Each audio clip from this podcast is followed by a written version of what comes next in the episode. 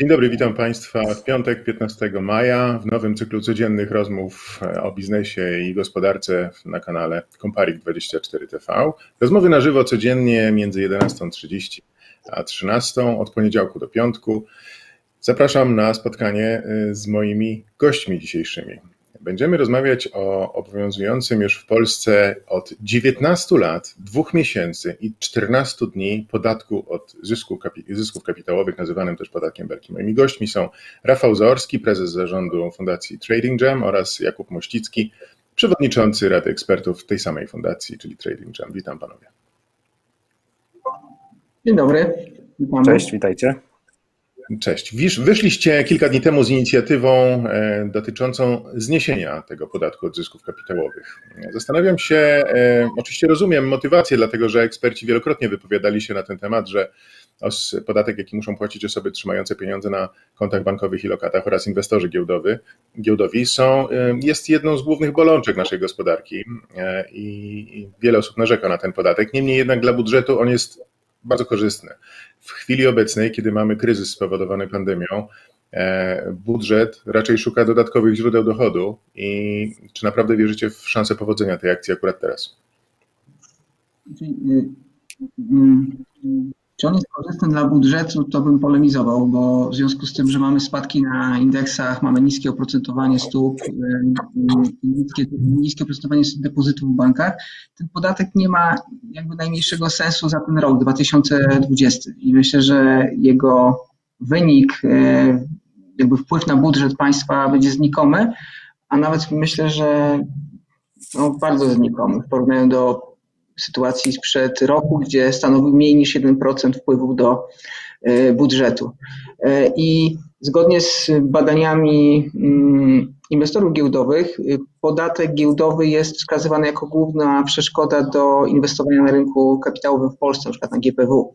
W związku z tym mamy ileś tam pieniędzy zamrożonych na rachunkach bankowych, które w czasach y, kryzysu, takim jaki mamy teraz, powinny posłużyć albo pozwolić ludziom, którzy będą podejmować ryzyko, żeby zainwestować w projekty y, w Polsce. I, i taki był cel przyświecający temu projektowi.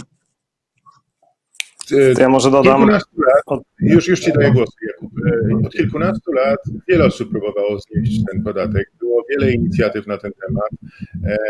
W pierwszej, w poprzedniej kadencji parlamentarnej e, Paweł Kukis i jego posłowie również występowali w Sejmie z tym pomysłem. Nie dało rady. E, no, moim zdaniem niestety marne są szanse teraz, dlatego że mimo, że powiedziałeś, że to był 1% wpływu do budżetu, to rząd na przykład przełożył mający wejść teraz w latem w Polsce estoński CIT na przyszły rok, a ten, e, ten estoński CIT był e, szacowany, jeżeli chodzi o wpływy budżetowe, na jedną setną procenta wpływów budżetowych. W związku z tym jeszcze mniej, a mimo wszystko rząd postanowił to przełożyć. Jakub, twój głos. E, no myślę, że warto jeszcze zwrócić uwagę na to, że mm, sytuacja, w jakiej się obecnie znaleźliśmy, pokazała, jak bardzo ważne są prywatne oszczędności. I to, żeby każdy z, z obywateli miał odłożone trochę no, tak zwanych zaskórniaków na właśnie takie sytuacje, jak, jak, z jaką teraz mamy do czynienia. E, w 2019 roku e, ING bodajże, ile się nie mylę, zrobiło badanie wśród swoich klientów i się okazało, że większość z nich w wieku przedemerytalnym ma odłożone średnio 13 tysięcy złotych. No to 13 tysięcy złotych oszczędności przed emeryturą, no to to jest tyle co nic, tak? To można za to przeżyć, e, no jak powiedziała jedna z przedstawicieli e, wyższej polityki, o miesiąc, tak? Mm, za 10 tysięcy złotych. E, więc no, to nam pokazuje, jak bardzo ważne jest zachęcanie ludzi do mm, oszczędzania, E, no a taki podatek na pewno ich nie zachęca, tak? bo z tego, co wspomniał wcześniej Rafał, mm, w badaniach pokazany jest ten podatek jako jeden z głównych, e, no tak, jedna z głównych przeszkód, jeśli chodzi o, e, o inwestycje indywidualne. Mm, a czy podatek ten wpłynie na budżet, czy nie? No teraz prawdopodobnie sporo inwestorów po tych spadkach ostatnich na giełdzie no nie będzie się mogło pochwalić zyskami, więc podatek od zysków e, i tak pewnie nie będzie zbyt duży. Mm, natomiast e, jeśli z tego mają być finansowane jakieś programy socjalne, no to jeśli byłyby oszczędności indywidualne, każdemu by starczyło na rok, dwa, trzy lata życia e, bez przychodów, no to te programy w ogóle nie byłyby potrzebne. Większość ludzi żyje z miesiąca na miesiąc. E, są osoby, które wymagają e, pomocy finansowej ze strony budżetu właśnie, stąd te wszystkie tarcze E, antykryzysowe tarcze finansowe, one są adresowane nie tylko do firm, nie tylko do przedsiębiorstw, ale także do e, osób prywatnych, które nie mają za co żyć. I, i nie można tak mówić też, że mm, wystarczy mieć oszczędności i wtedy, jeżeli się pozwoli ludziom e, więcej oszczędzać, więcej mieć na koncie, to sobie poradzą. No niestety nie każdy jest w tej luksusowej sytuacji, że te oszczędności ma. A jeżeli chodzi o osoby, które mm, próbowały już pozbyć się podatku belki, no to chciałem też przypomnieć o tym, że mm, w pierwszym e, rządzie Platformy Obywatelskiej kilkanaście lat temu, w 2008 roku, nawet zapowiadał to ówczesny premier e, Donald Tusk, chciał przekonać do zniesienia podatku Belki e, ministra finansów Jacka Rostowskiego i też mu się nic nie, i też mu się to nie udało. Panowie, jakich argumentów chcecie używać poza tym, że więcej pieniędzy na kontach pozwoli ludziom lepiej sobie poradzić z kryzysem? Bo mnie osobiście ten argument nie przekonuje, mimo że oczywiście też biorąc pod uwagę moje własne oszczędności, wolałbym nie dzielić się daniną z państwem, jasne. No. Ja, po pierwsze, ten podatek miał być wprowadzony tylko na rok, wszyscy o tym wiemy. Jak większość podatków w Polsce, wszystkie podatki są tymczasowe, ale zostają z nami na, na dłużej. To, czym będzie się różniła nasza akcja od poprzednich akcji, to jest e, to, że ona jest tworzona w kręgu oddolnym od y, influencerów finansowych, między innymi różnych grup tradingowych, grup inwestycyjnych. I myślę, że takie oddolne skierowanie projektu obywatelskiego, bo chcemy, żeby to był projekt y, y, obywatelskiej ustawy wnoszącej podatek Belki, pozwoli nam szerzej pójść z tym projektem, a nie tylko w sposób y, no, taki, jak było w poprzednich przypadkach, że prosimy Ministerstwo Finansów, żeby uwzględniło to, to, to i tamto. My chcielibyśmy zebrać podpisy, 100 tysięcy podpisów, wnieść y, czytanie y, czytanie tego projektu na ulicę sejmową i przeprocesować go, go, go w Sejmie i pokazać głos obywateli. Oczywiście, znając historię innych projektów obywatelskich, może to być bardzo ryzykowne, i, czy ryzykowne. E, no, nie ma zbyt wielu sukcesów tych projektów obywatelskich, tak? O tym musimy pamiętać. Rzeczywiście podatek od zysków kapitałowych jest czymś w rodzaju podwójnego opodatkowania, no bo raz e, opodatkowywane są dochody ludzi, którzy coś zarobili, dzięki czemu to, co zarobili już po opodatkowaniu mogą wpłacić na konto. Dwa, jest drugie opodatkowanie właśnie z tych zysków kapitałowych, czyli od e, lokat i tak dalej. Ale e, no jest to także pewien podatek od luksusu, no bo tak jak wspomniałem wcześniej, e, zyski kapitałowe mają ci, którzy mają jakieś nadwyżki finansowe, zyski giełdowe mają ci, których stać na to, żeby grać na giełdzie, a co powiecie tym wszystkim, którzy nie mają żadnych oszczędności i po prostu ledwo wiążą koniec z końcem, teraz jeszcze dodatkowo stracili pracę? Jak ich chcecie przekonać, żeby oni życzliwym okiem popatrzyli na Waszą inicjatywę? Myślę, to zobaczyć. Jakub. Dobra, to ja. No ja myślę, że warto właśnie pokazać, że mm, warto zacząć oszczędzać już od pierwszej złotówki, tak? Bo e, to nie jest tylko podatek od e, bogactwa, tak jak wspomniałeś, opłacą go dosłownie wszyscy. A przeciąganie tego mm, na taką retorykę, że płacą to tylko bogacze, którzy żyją z giełdy, no to nie jest do końca prawdą, bo to płacą, płacą głównie zwykli tacy ciłacze, którzy mają jakieś lokaty, którzy mają od, odłożone swoje oszczędności na kontach oszczędnościowych, gdzie teraz dostają, no jak dobrze wiatr powieje, to pół procenta rocznie, no i od tego jeszcze muszą zapłacić blisko 20% podatku, więc to nie jest tylko tak, że to płacą bogacze, to płacimy wszyscy, którzy nawet y, oszczędzają od 100 zł, 50 zł, 10 zł, od każdej kwoty płaci ten podatek. Więc y, no ja bym nie, nie mówił tego, że to jest ale tu płacą słownie wszyscy, nawet jakieś drobne kwoty i chcieliby zacząć sobie oszczędzać.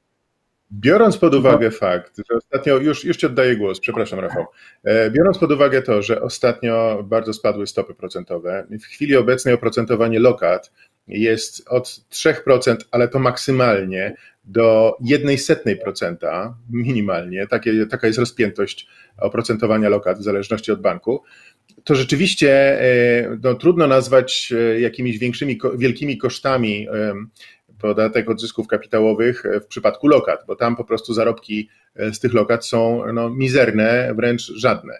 Natomiast głównie, nie oszukujmy się panowie, ten podatek od zysków kapitałowych uderza po kieszeni takie osoby jak, jak wy, osoby, które stać na grę na giełdzie. W chwili obecnej, kiedy wszyscy borykają się z trudnościami finansowymi, no jesteście jednak ciągle tą grupą uprzywilejowaną.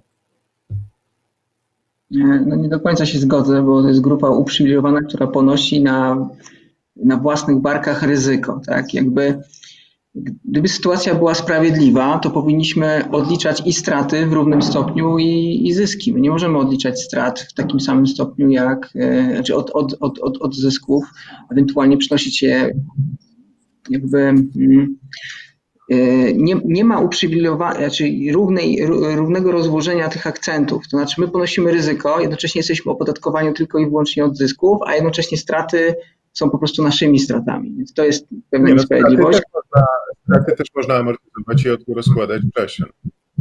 To 50%, ale to, to dobrze nie wygląda, wydaje. Co do oszczędności Polaków, to jest podatek też od strat, bo realną inflację mamy na poziomie 4%, sto, oprocentowanie depozytów na 3% i płacimy tak naprawdę od naszej straty. Nie? Te, te osoby, które trzymają oszczędności w bankach, Mm, tracą te pieniądze w długim, w długim czasie, w długiej perspektywie. Nie? A y, to, że mamy w Polsce niską świadomość y, ekonomiczną i jak y, silny wewnętrzny giełdowy rynek mógłby dobrze wpłynąć na gospodarkę, czyli na miejsca pracy, na wydatki przedsiębiorstw, tu jest jakby główna, uważam, bolączka między innymi też tego tematu, który, którego się podejmujemy. I jakby chciałbym też zwrócić uwagę na to, że E, zniesienie podatku belki ma skłonić ludzi właśnie takich jak my, uprzywilejowanych, być może, nie czuję się jako osoba uprzywilejowana, do wydawania więcej pieniędzy, inwestowania tych pieniędzy, e, a nie mrożenia ich na gorsze czasy na rachunkach bankowych, bo nie o to chodzi.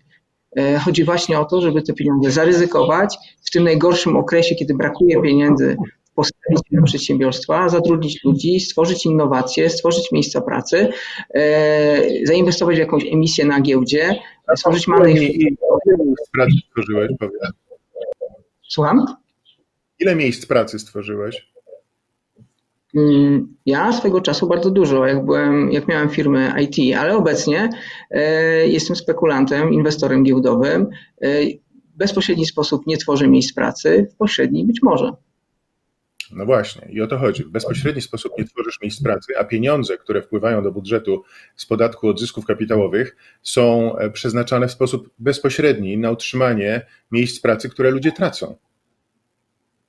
No ale to jest myślenie socjalistyczne jednak, do niczego nie prowadzące. Ja wolałbym, żeby te pieniądze poszły do firm, o których ja decyduję, e, że mają te pieniądze w taki sposób wydawać, zatrudniać ludzi, tworzyć innowacje, a nie na pomoc. No pytanie, czy... Ja bym wolał nazwać myśleniem solidarnościowym, zwłaszcza w e, czasach kryzysu, a nie socjalistycznym. Nie, nie, nie, nie reprezentuję myślenia socjalistycznego, zapewniam cię.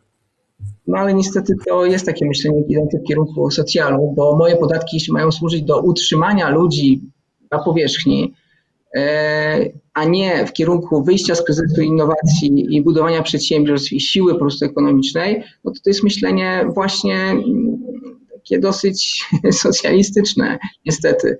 A wiemy, do, dokąd, dokąd prowadzi socjalizm, do katastrofy. Nie, to, to, to jest argument demagogiczny. Gdybyśmy teraz e, poobcinali podatki, e, gdyby te podatki były zmniejszone, a oczywiście idąc tropem takiego rozumowania, jakie reprezentujesz, w ogóle nie należy płacić podatków, dlatego że każdy powinien odpowiadać za siebie, każdy powinien mieć prawo do podejmowania pełnego ryzyka i e, w pełni ponosi, ponosić zarówno benefity swoich decyzji, jak i koszty tych decyzji. No to gdyby tych, te podatki były obcięte, to ludzie, którzy nie mają smykałki do interesów, po prostu kończyliby na ulicy albo e, i kończyłoby się w ogóle ich życie. Więc nie ma to nic wspólnego z socjalizmem, jest to raczej pewna solidarność społeczna. Jakub.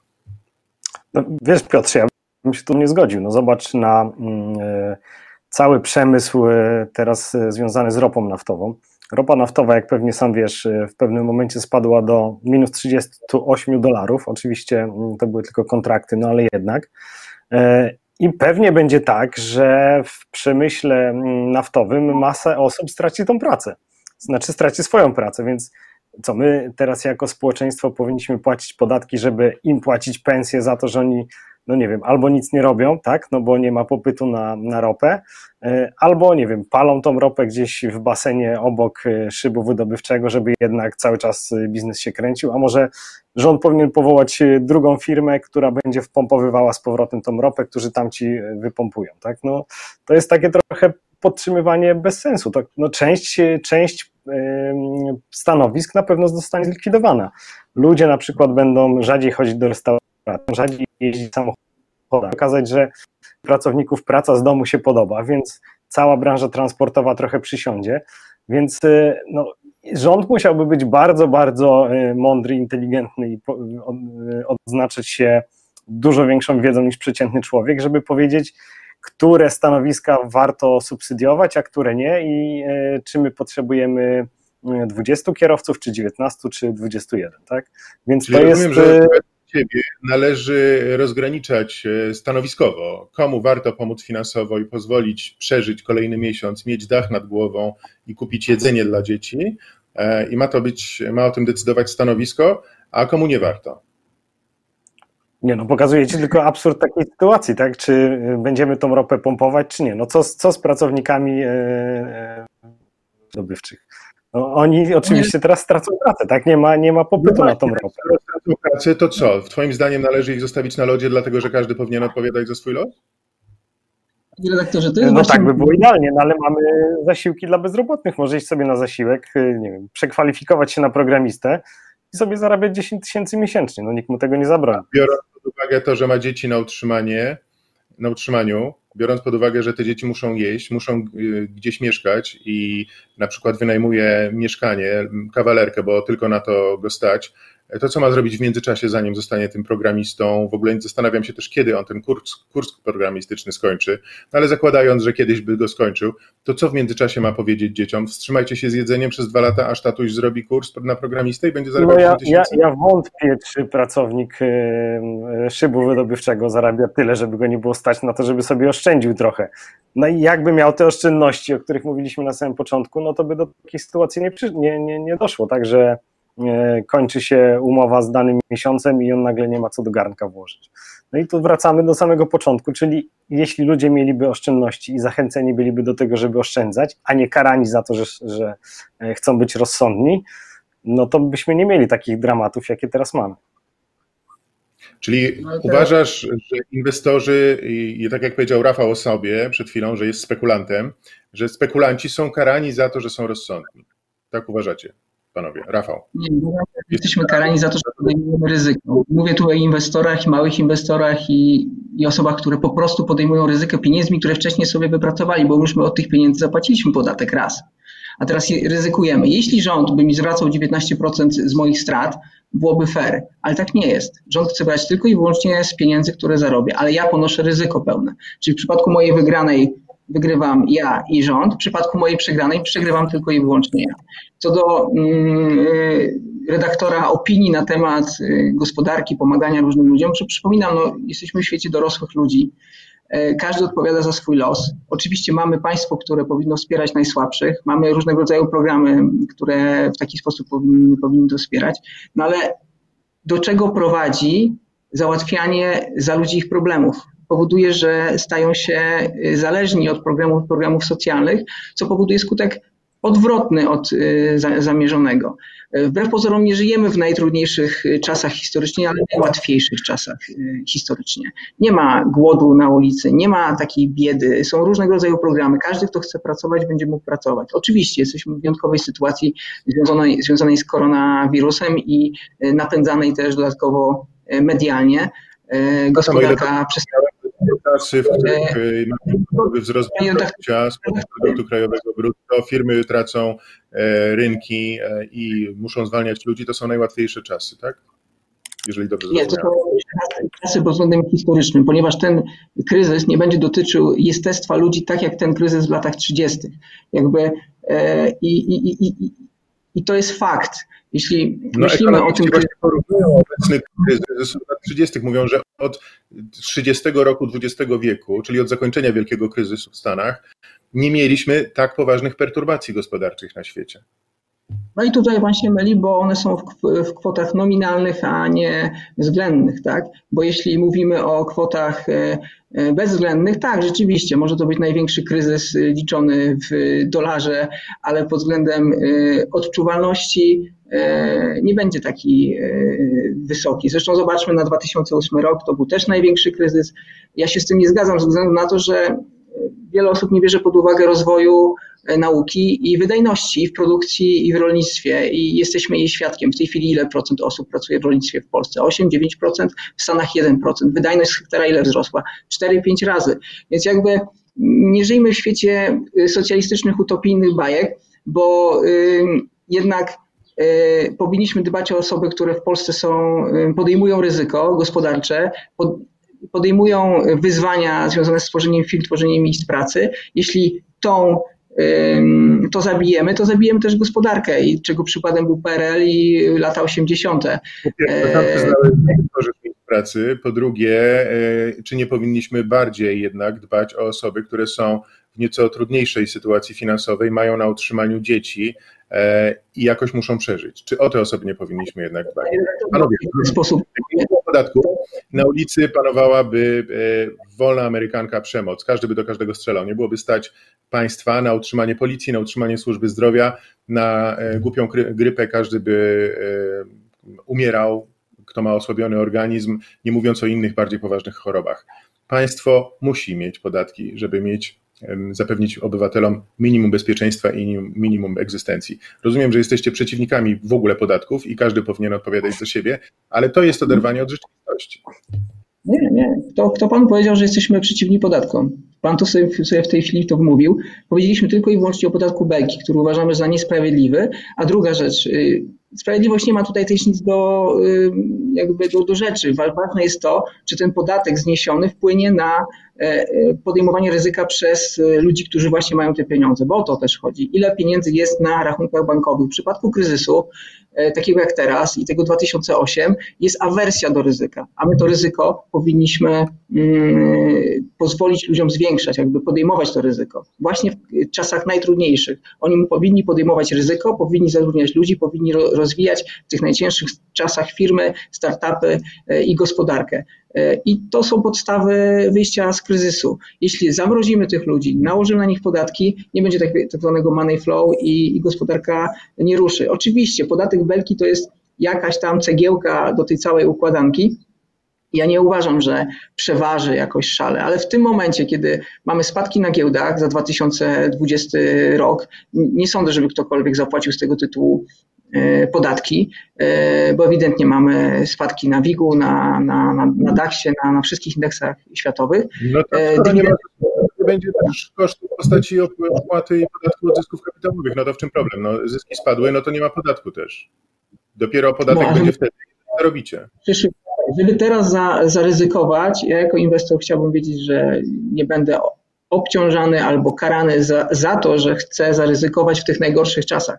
W tej chwili są najgorsze czasy i w tej chwili Pan potrzebuje dla Pańskich wydatków, dla tym to, o czym Pan mówi, czyli o, o tych wszystkich socjalistycznych utopiach, e, żeby móc sfinansować w przyszłości budżet, bo nie mówimy o teraz, o bieżącej sytuacji, tylko o tym, co się stanie za rok, za dwa, powinniśmy mieć ludzi, którzy zaryzykują swoje własne pieniądze, y, otworzą firmy, wpakują, y, y, zrobią innowacje i zaczną zatrudniać ludzi. O to w tym wszystkim chodzi, a nie o to, czy doraźna pomoc dla kogoś jest ważna. Ta doraźna pomoc się znajdzie i podatek Belki na to w żaden sposób nie wpłynie, ale jeśli podatek Belki blokuje tego typu inwestycje, to za rok, za dwa będziemy mieć bardziej pogłębiony kryzys albo Mm, nie wyjdziemy z niego y, po prostu szybciej. I uważamy, że w tym momencie ten podatek. Nie sądzę, że wyjście z kryzysu obecnego było uzależnione od istnienia albo nieistnienia e, podatku od zysków kapitałowych, czyli podatku belki.